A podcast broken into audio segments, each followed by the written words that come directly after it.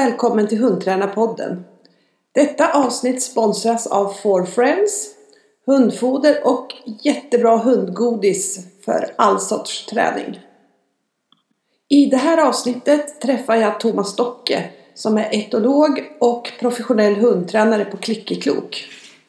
Han har tränat ett antal olika grenar och han eh, har också tränat med ganska många olika raser.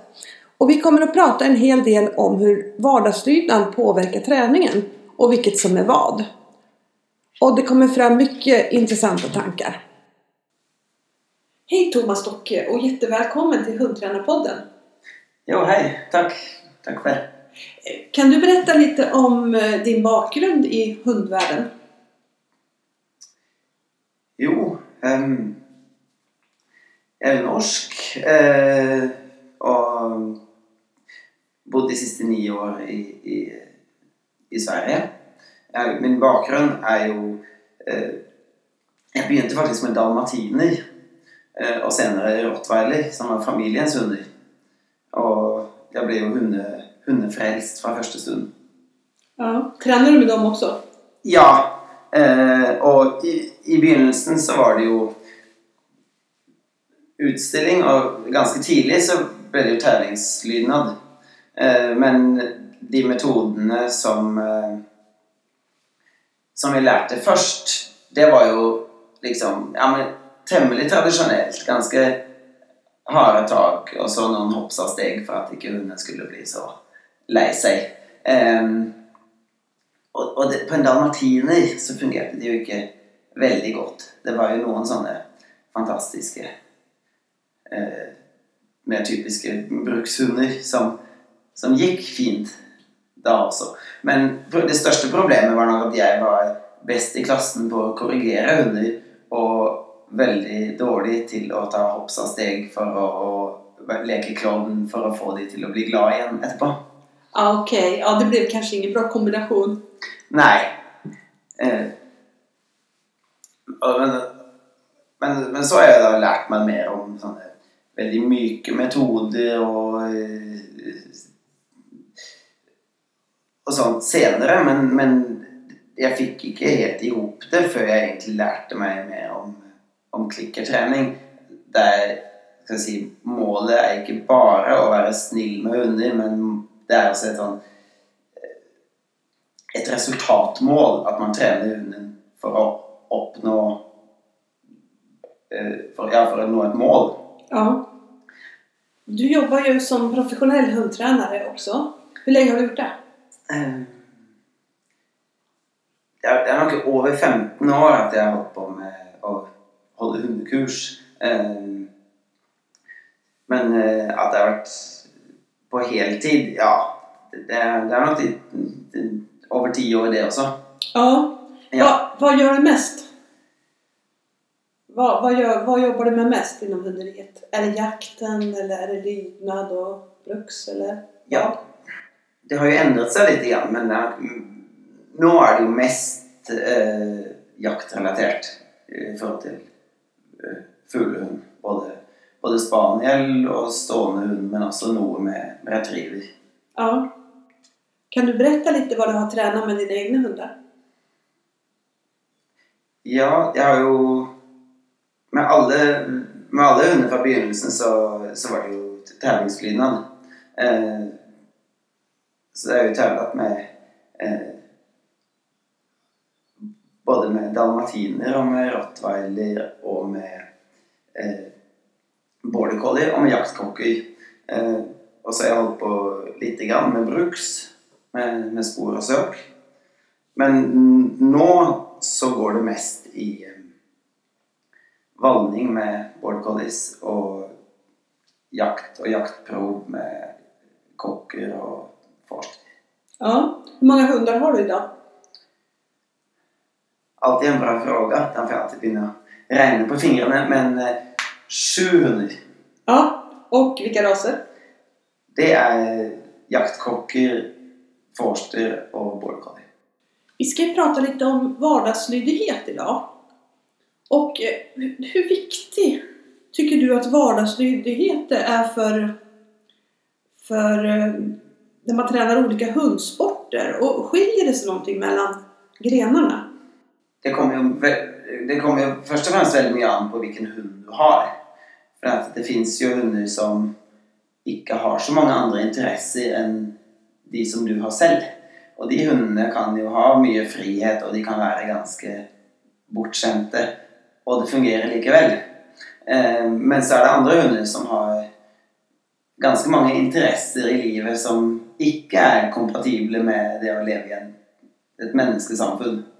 Eh, F.eks. hunder som vil jage, eller hunder som vil eh, eh, springe etter biler, eller hunder som vil ja, gjøre alt sånn som ikke er ok. Eh,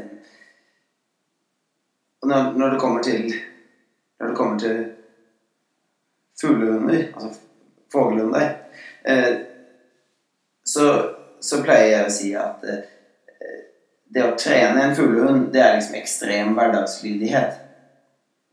Fordi at eh, når du er på jakt, så skyter du én fugl én gang. Og hver situasjon er litt ny og litt annerledes, og det eneste du skal være sikker på, er at du, det er at du får deg en liten overraskelse. Eh, så den treningen jeg gjør med fuglehundene, det er jo det er ikke ofte at jeg går ut på en, på en bane og trener momenter. Det er mer at det blir en integrert del av hverdagen.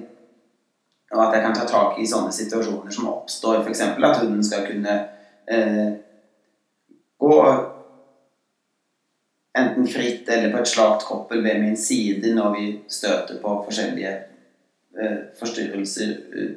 Det kan være hunder eller mennesker eller vilt når man er ute og går.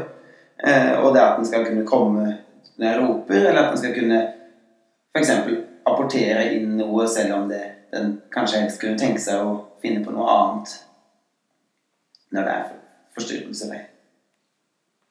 Tycker du att det är... Um, vil- vilka delar av själva vardagslydnaden tycker du påverkar träningen mest? det der å dra en sånn skarpt skille mellom trening og hverdagslydighet jeg, synes Noen ganger kan det være litt vanskelig, fordi at det, uansett om vi er på en appellbane, eller om vi er sammen med hunden i, i hverdagen, så er jo målet mitt at hvis jeg gir en kommando, eller jeg tar initiativ til en aktivitet, så vil jeg ha en umiddelbar respons. Så det er jo aldri ok at hunden vil velge vekk min belønning, eller at den vil si at 'nei, men jeg vil ha kjøttboller eh, i stedet for å leke', eller 'nei, nå har jeg ikke lyst til å være sammen med deg lenger, nå vil jeg løpe vekk til noen andre', eller finne på noe annet. Eh, Eller det er ikke ok at hunden bytter fra ett eh, fra et beteende til, til det neste før jeg har sagt ifra. Sånn at eh, Sånn at jeg, jeg vil ikke si at at det er å sitt stanna kvar, eller innkalling, eller å ikke springe fram til andre, eller, stoppsignal. At det er liksom noe sånt som er det viktige. Men jeg tenker det er, det det er hele det konseptet at som et overgripende mål at hunden engasjerer seg i det jeg vil, når jeg vil det.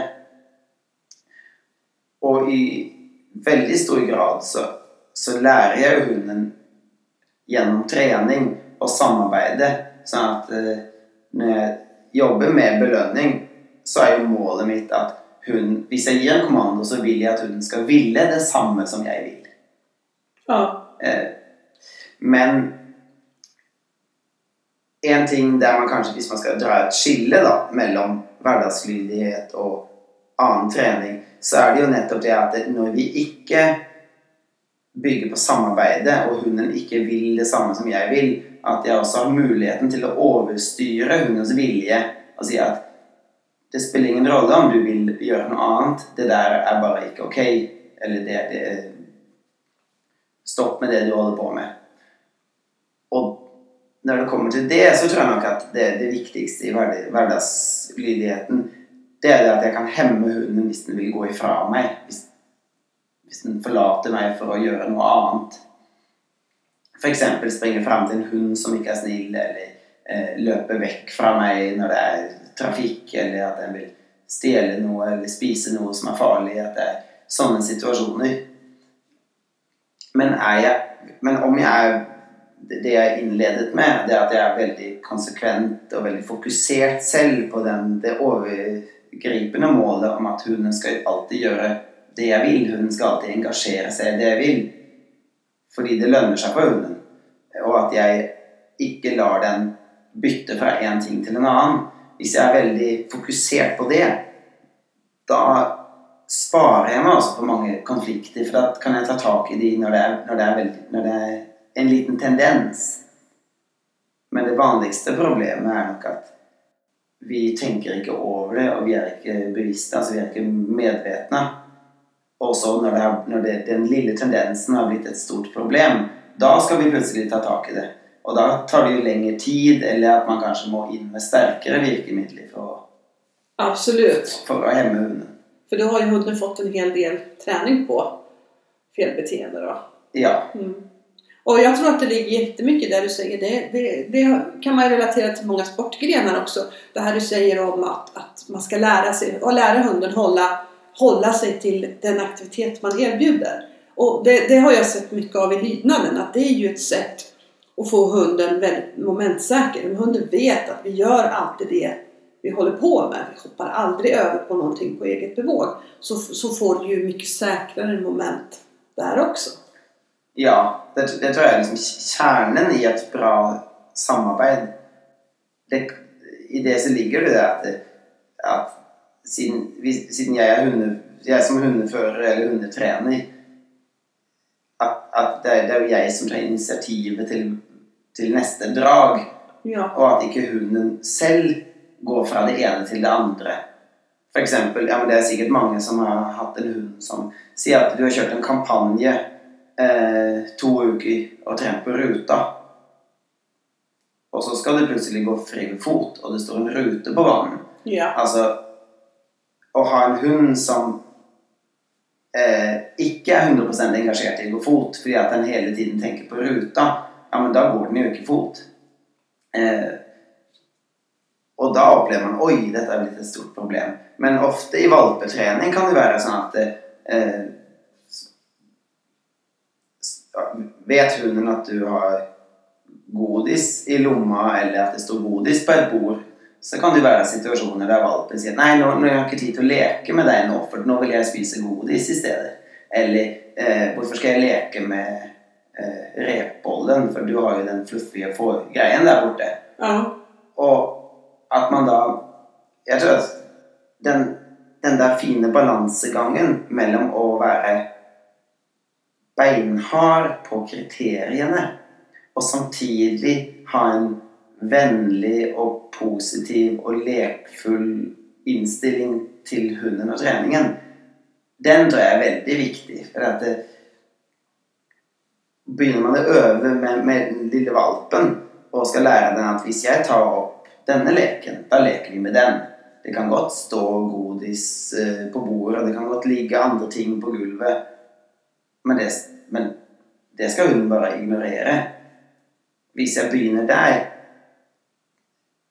da er jeg, tvinger jeg meg selv til å være lekfull og positiv, og ikke tvinge hunden. For da skal det ikke være en forbudsøvelse Å si at nei, du skal ikke ta godis, nei, du skal ikke springe vekk. Men det er jo min oppgave å gjøre det så kult og så engasjerende, Mm. og gjøre det jeg vil. Eh, For ofte, for ofte så blir det enten eller. Enten så er alt kult, og så kan hunden gjøre som den vil. Eller så er føreren veldig streng og hard, men også fryktelig tråkig i hundens øyne øh, å, å, å arbeide med. For at eh, poenget er jo ikke å, å skremme hunden fra å la være alt det som er uønsket, men å få den så motivert til å gjøre det som jeg vil, når jeg vil det. Ja. Eh, for at hunden får jo sånne skylapper på, sånn som hesten har. Eller Ja. sk- sk- Skugglapper. Ja, ja. Ja. Skygglappar. Ja. ja. Eh, når bare motivasjonen for det vi vil den skal, at den skal gjøre, bare den er høy nok, så fins det ikke plass i hundens hjerne til å fundere på alle andre ting. Sånn at eh, jeg tror at ofte så gjør vi kanskje støvningstrening. Enten så gjør vi det for tidlig, eller så gjør man det på, på feil måte. At man faktisk egentlig viser hunden det vi ikke vil at den skal, istedenfor å få den supermotivert til å gjøre det vi vil. Ja. Og det gjelder jo alt. Det, det, det, det, kan, det gjelder jo også i lydighet, men det kan jo være at tar jeg min forstervalp og tenker at det er veldig viktig at den ikke jager hare hvis jeg er ute og, på fasanjakt, så tar jeg den inn i en kaningård. For nå skal jeg lære den å uh, være lugn og lydig når det er kaniner der. Ja, kanskje resultatet er at jeg tenner min hund på kanin. ja, just det. Eller at jeg tar min border collie-valp og sier at ja, det er veldig viktig at den ikke springer etter biler, så nå skal jeg gå koppelpromenad langs en 60-vei. Og det som egentlig skjer, er at jeg tenner hunden opp på det den ikke skal gjøre. Ja, just det. Så jeg tror det at selv innenfor positiv hundetrening så er det så lett at vi bruker fryktelig mye energi på det de ikke skal gjøre. Men hadde, er man heldig og bor på landet og lar sin border collie vokse opp uten at den får se biler, men at den heller får se får, så kommer den jo forhåpentligvis da, når den blir voksen og den arbeidet vi får, så kommer den ikke til å være interessert i biler. Og mange mange stående fågelhunder, når de er vet, er de toppmotivert og konsentrert på å jakte etter jakte fasan, så er det mye lettere at de også ignorerer hårvilt Ja. når de er merket. Absolutt ikke alle. Det finnes mange som har stort hårviltinteresse. Men det vil være mye, mye mindre når de først vet hva de skal søke etter. Og det, og det, og det samme tror jeg også kan være i, i Lynas trening eller i, annen hundesport. At gjør vi valget gjør, gi, Gir vi hunden et valg, og det valget blir man, man, det blir for svårt og det blir for tidlig å gi hunden det valget, så blir den kanskje mer oppmerksom på forstyrrelsen, om det nå er en godis eller en boll eller et menneske som har støvning, eller om det er noe annet. Så en, om man skal koka ned det her til, til, til noe litt mindre så skulle man kunne si at, at, du mener at, at, det her med eh, holde seg til den aktiviteten du erbjuder er en kjempeviktig grunn för, för träningen längre fram. Egentligen oavsett vad du ska träna på. Ja, ja. Så uansett om hunden sier Nei, jeg, jeg, jeg er opptatt med å jage hare nå, så jeg har ikke tid til å høre på innkalling. Eller jeg, Nei, nå, nå vil jeg hilse på den, den fine tiken der borte, sånn at jeg har ikke tid til å komme når du roper. Eh, det er det samme som lydnadshunden som sier at jeg har ikke tid til å gå fri med fot fordi at jeg må stirre på ruta. Ja. Eller eller hva som helst. Eller valpen som sier at 'nei, jeg vil ikke leke med deg, for at jeg vil heller ha kjøttboller'. Det, det, det er jo skillnad på om jeg ikke tillater at noe hender. Eh, eksempel at jeg velger å ikke sette meg i den situasjonen. Eller jeg, hjel jeg hjelper min hund til å håndtere situasjonen, og det å ikke tillate det. For at hvis jeg ikke eh, Hvis jeg ikke tillater det at hende, da kan jeg se til at ikke ha hunden løs der jeg vet at den kan jage hare. Eller jeg kan se til at jeg har trent min hund til å være så engasjert i leken med meg at den ikke kommer til å springe fra meg til et menneske med, med godis.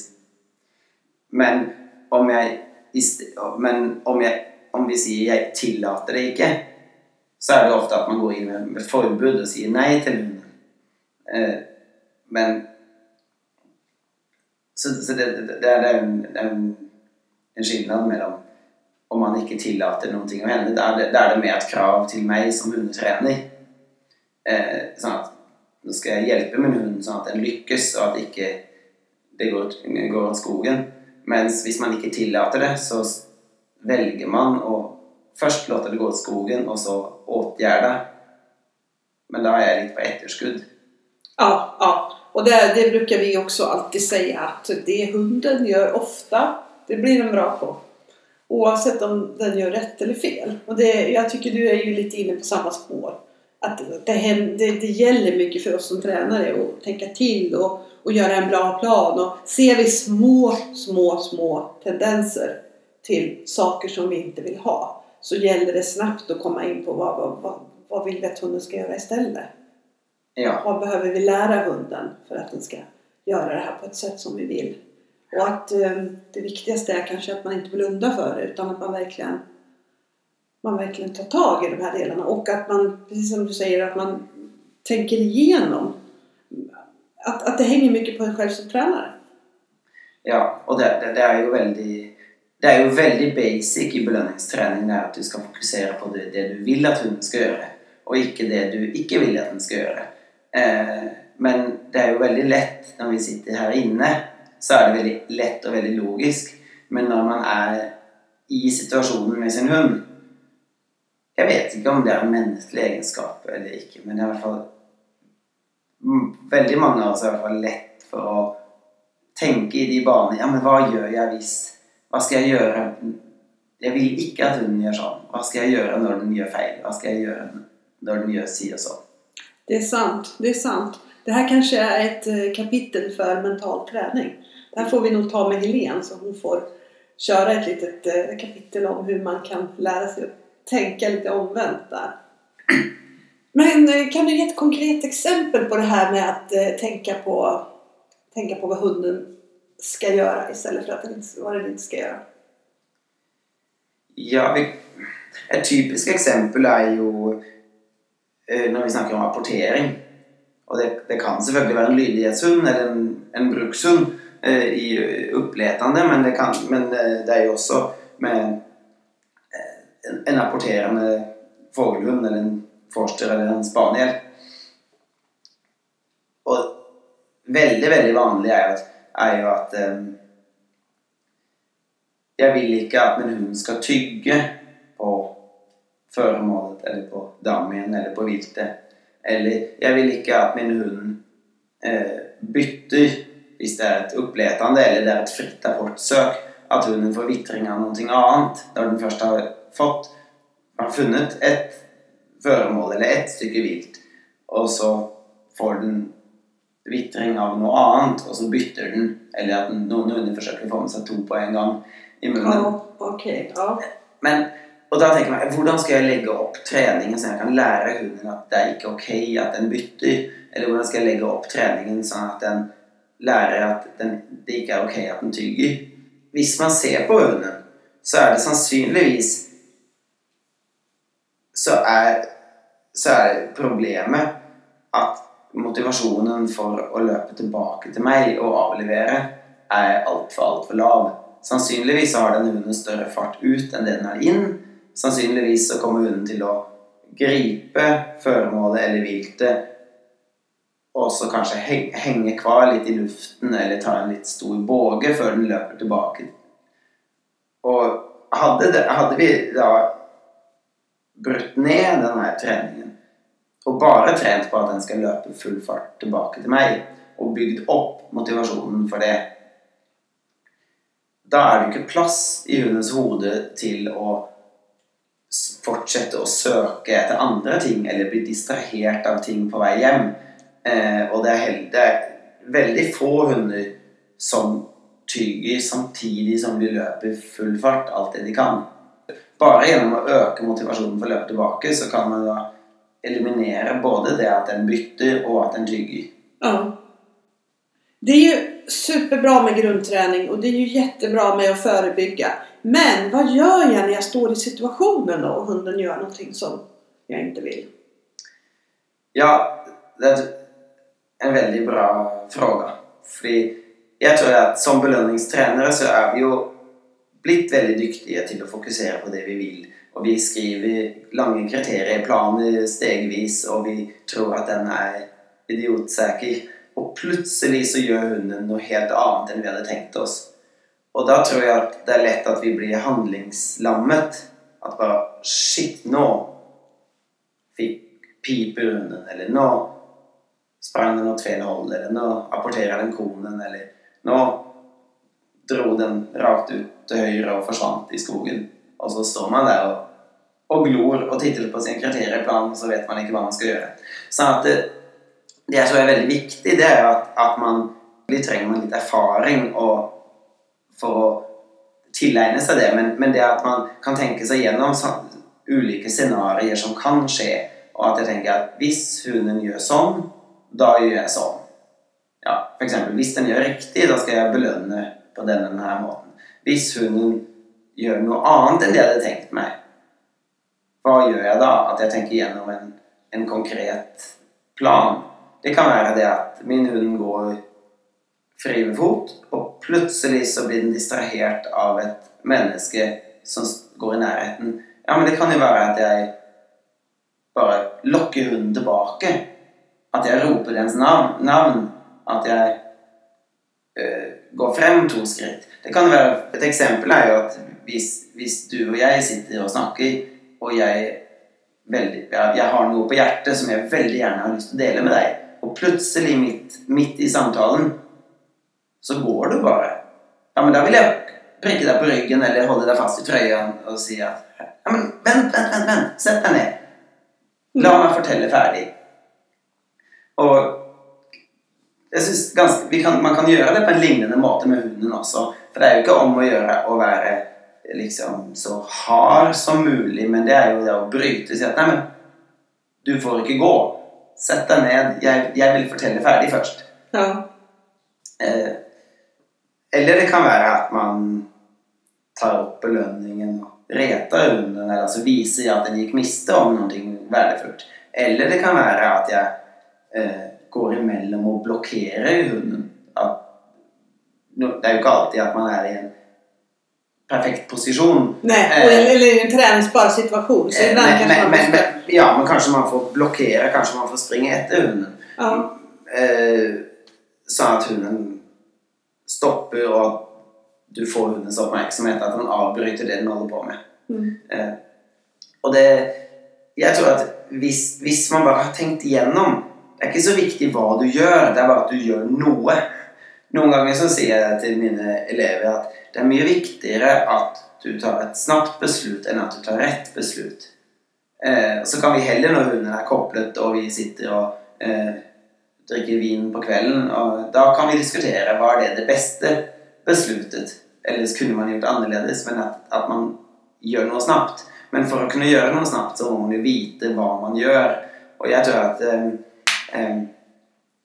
jeg blir en bedre hundefører, og jeg kan bli mer selvsikker og tryggere og lugnere i det jeg gjør når jeg trener min hund, hvis jeg har en plan B for da vet jeg at hvis, den, hvis hunden gjør dette, da gjør jeg dette. Hvis den gjør sånn, da gjør jeg sånn. Det, det, det er jo litt som Det er litt som en, som en eh, ung vallhund. Den hetser opp seg, og den blir hysterisk, og den gjør dumme saker, og den tapper hodet når den skal forsøke i sitt forsøk å kontrollere sine får. Fordi at fårene beter seg på et visst sett, og plutselig så gjør de noe uventet, og så mister den unge vallhunden hodet og gjør noe tokigt. Og hvorfor gjør den det? Jo, det er for at den ikke Den har ingen plan B. Er, man har kanskje bare trent i en 25 i skyddet verksted, og så kommer man ut på et åpent felt, og så, eller på nye får. Men Og det kommer jo med erfaring. Mens den og på samme måte som at hvis jeg har en plan B, så kan, jeg, så kan jeg bli lugn og selvsikker og trygg som hundefører. Så er det på samme måte at en erfaren vallhund Den, uansett hva fårene gjør, så er den lugn og trygg. For den sier at ja, ja, gjør hva dere vil, sier den til fårene. Uansett hva fårene gjør, så har den et motdrag som gjør at den kan få kontrollen tilbake.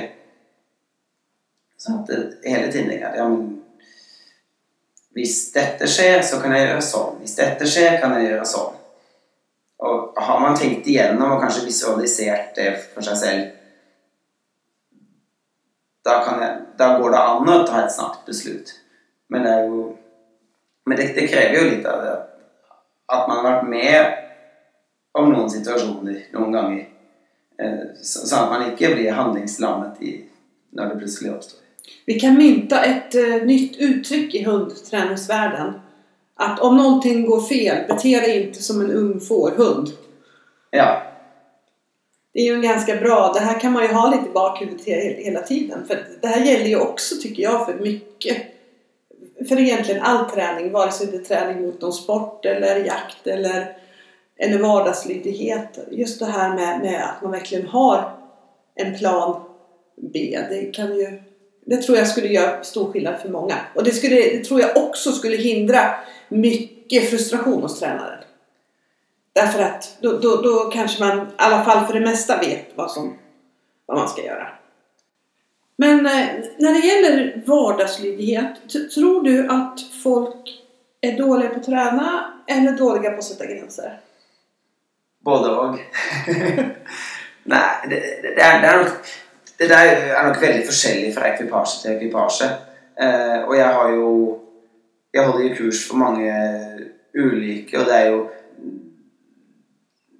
Ofte er det jo sånn Hundesportsfolk er jo ofte veldig dyktige til å trene, og dyktige til å eh, belønne hunder og ha koll på liksom sine mekaniske ferdigheter og hva de gjør med armer og ben. Og...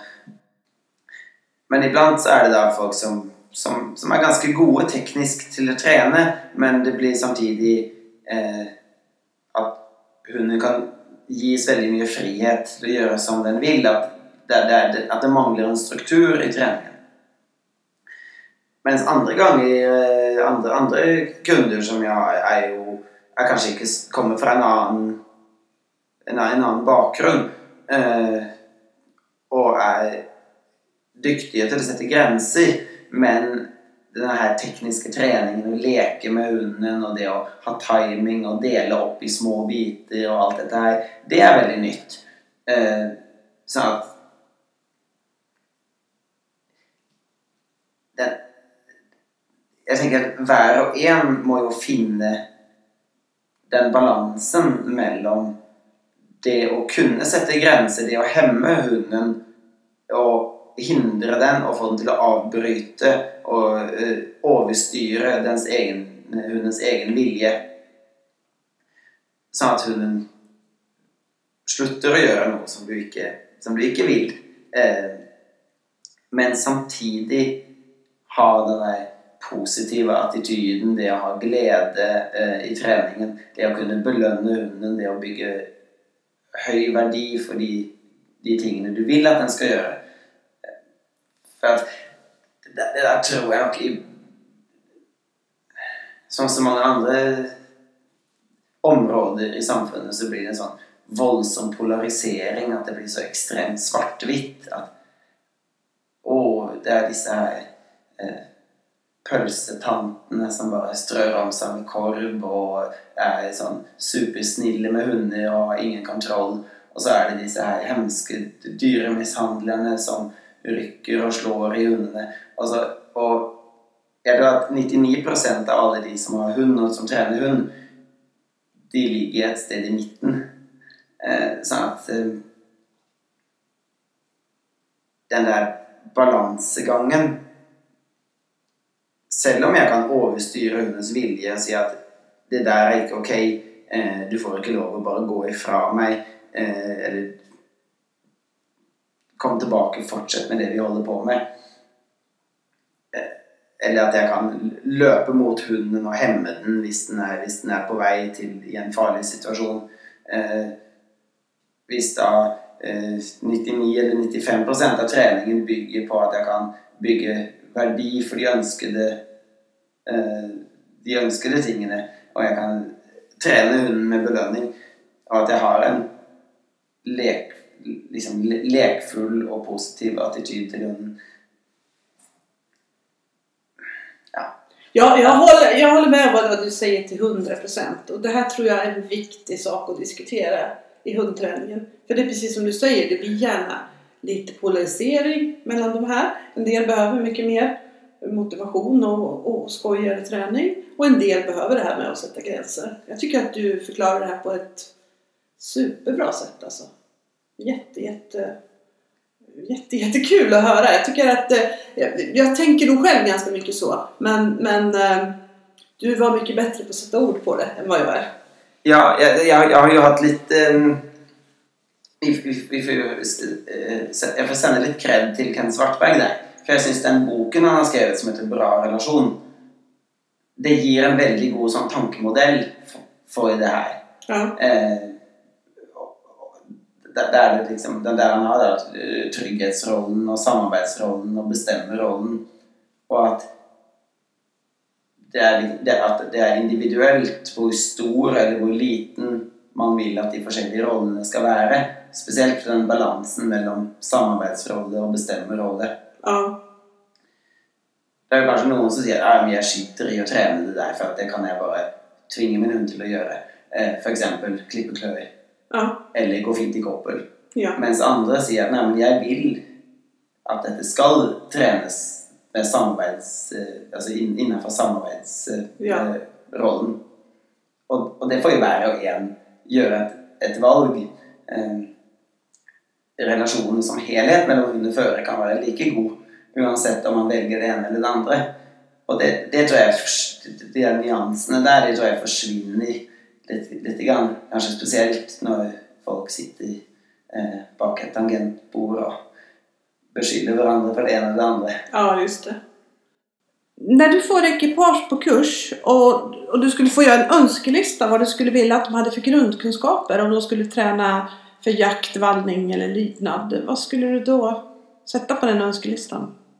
Ja, det, det, det, overgripende, eller det generelle, det er at det, det er alltid mye, mye lettere eh, å, å hjelpe en ekvipasje om de forstår Eller de har et tydelig målbilde og forstår liksom hva som kreves for den sporten eller grenen av hundearbeid. Eh, eksempel, hva er essensen i eh, i å i, i eh, valning av husdyr med hjelp av en hund? Eller hva er essensen med jakt? Eh, hva, hva forventes av hunden, og er, hvorfor skal vi bruke hund til denne jaktformen? Så det er litt sånn overgripende at man har en forståelse for jakten og for valningen. Men Eller selvfølgelig, hva, hva kreves egentlig av en lydnadshund? Det er også sånn at hvis man ikke har tevlet lydnad, så kan det være det at man eller, man ikke har ført fram en fågelhund. Så kanskje man drukner i noen detaljer som som, som ikke Ja, det hjelper liksom ikke for helheten. F.eks. for eksempel at man trener veldig mye på perfekt presisjon på enkeltbeteende, men, men i helheten, eller misser å tenke utholdenhet eller treningstrening og sånt. Ja. Eh, Men det kan også være det at man, at man eh, i, i jakt og i og i valningen at, at eh, der er jo ikke lydnaden målet i seg selv. Men lydnaden er nødvendig for at det skal være effektivt og, og sikkert. Eh,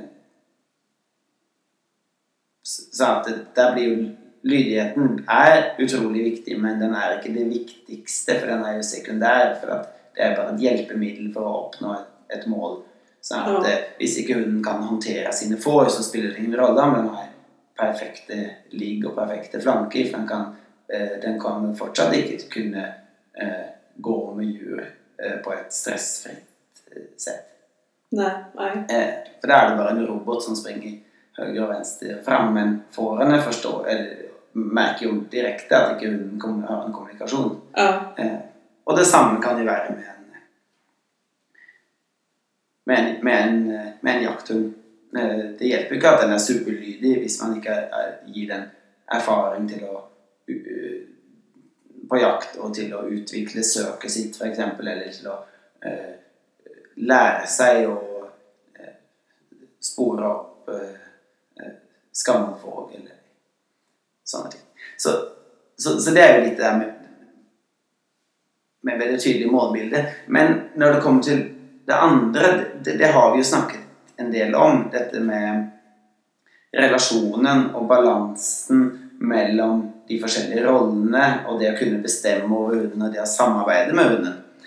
Og der syns jeg det er ganske stor forskjell mellom det er jakt og lydnad og andre hundesporter på den ene siden og valningen på den andre siden.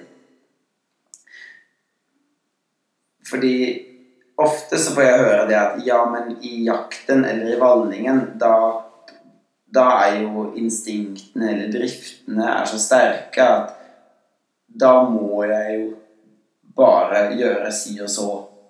Eh, og da går det jo ikke å trene si og så. Men for meg så handler det litt, litt om I lydnad, eh, eller agility, eller bruks og, men også i eh, fågeljakten så syns jeg at eh, belønningstrening jeg vil liksom at det skal, i, alle, I all hovedsak så vil jeg Jeg syns personlig da at eh,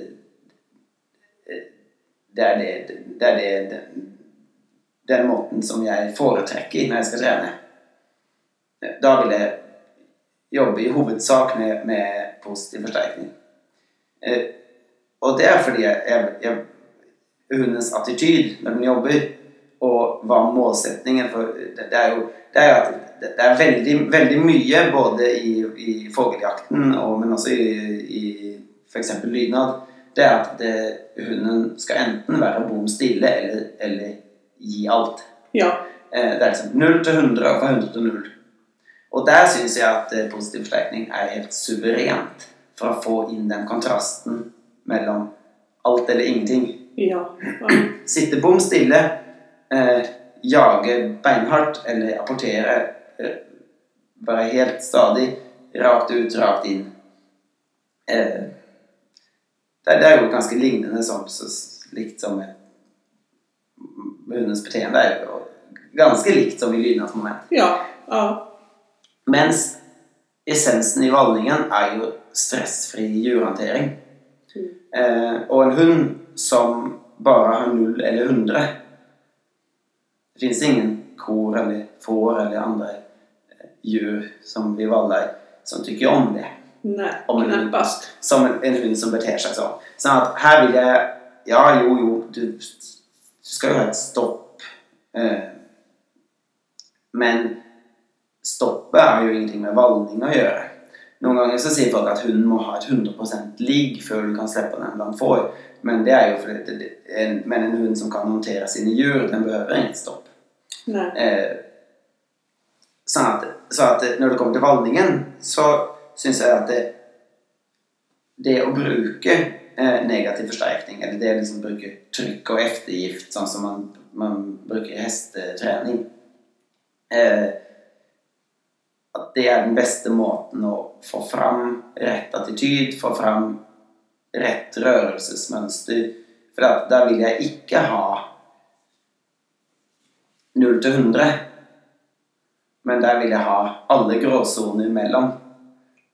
Ja. Eh, så poenget er jo at eh, hunden skal konsentrere seg. Den skal bli seg og langsom. Den skal bli konsentrert. Og at jeg vil at hunden hvis hunden møter motstand, så vil jeg at den konsentrerer seg hardere og blir sterkere mot juren og liksom kamper litt imot. Uh. Og den Det kan jo være at fårene står imot. Titter på hunden eller stamper med, med benet. Det gjør jo at hunden saktere inn og konsentrerer seg mer. Men i treningen kan det også være at jeg med kroppsspråk eller med, med røst legger press på hunden.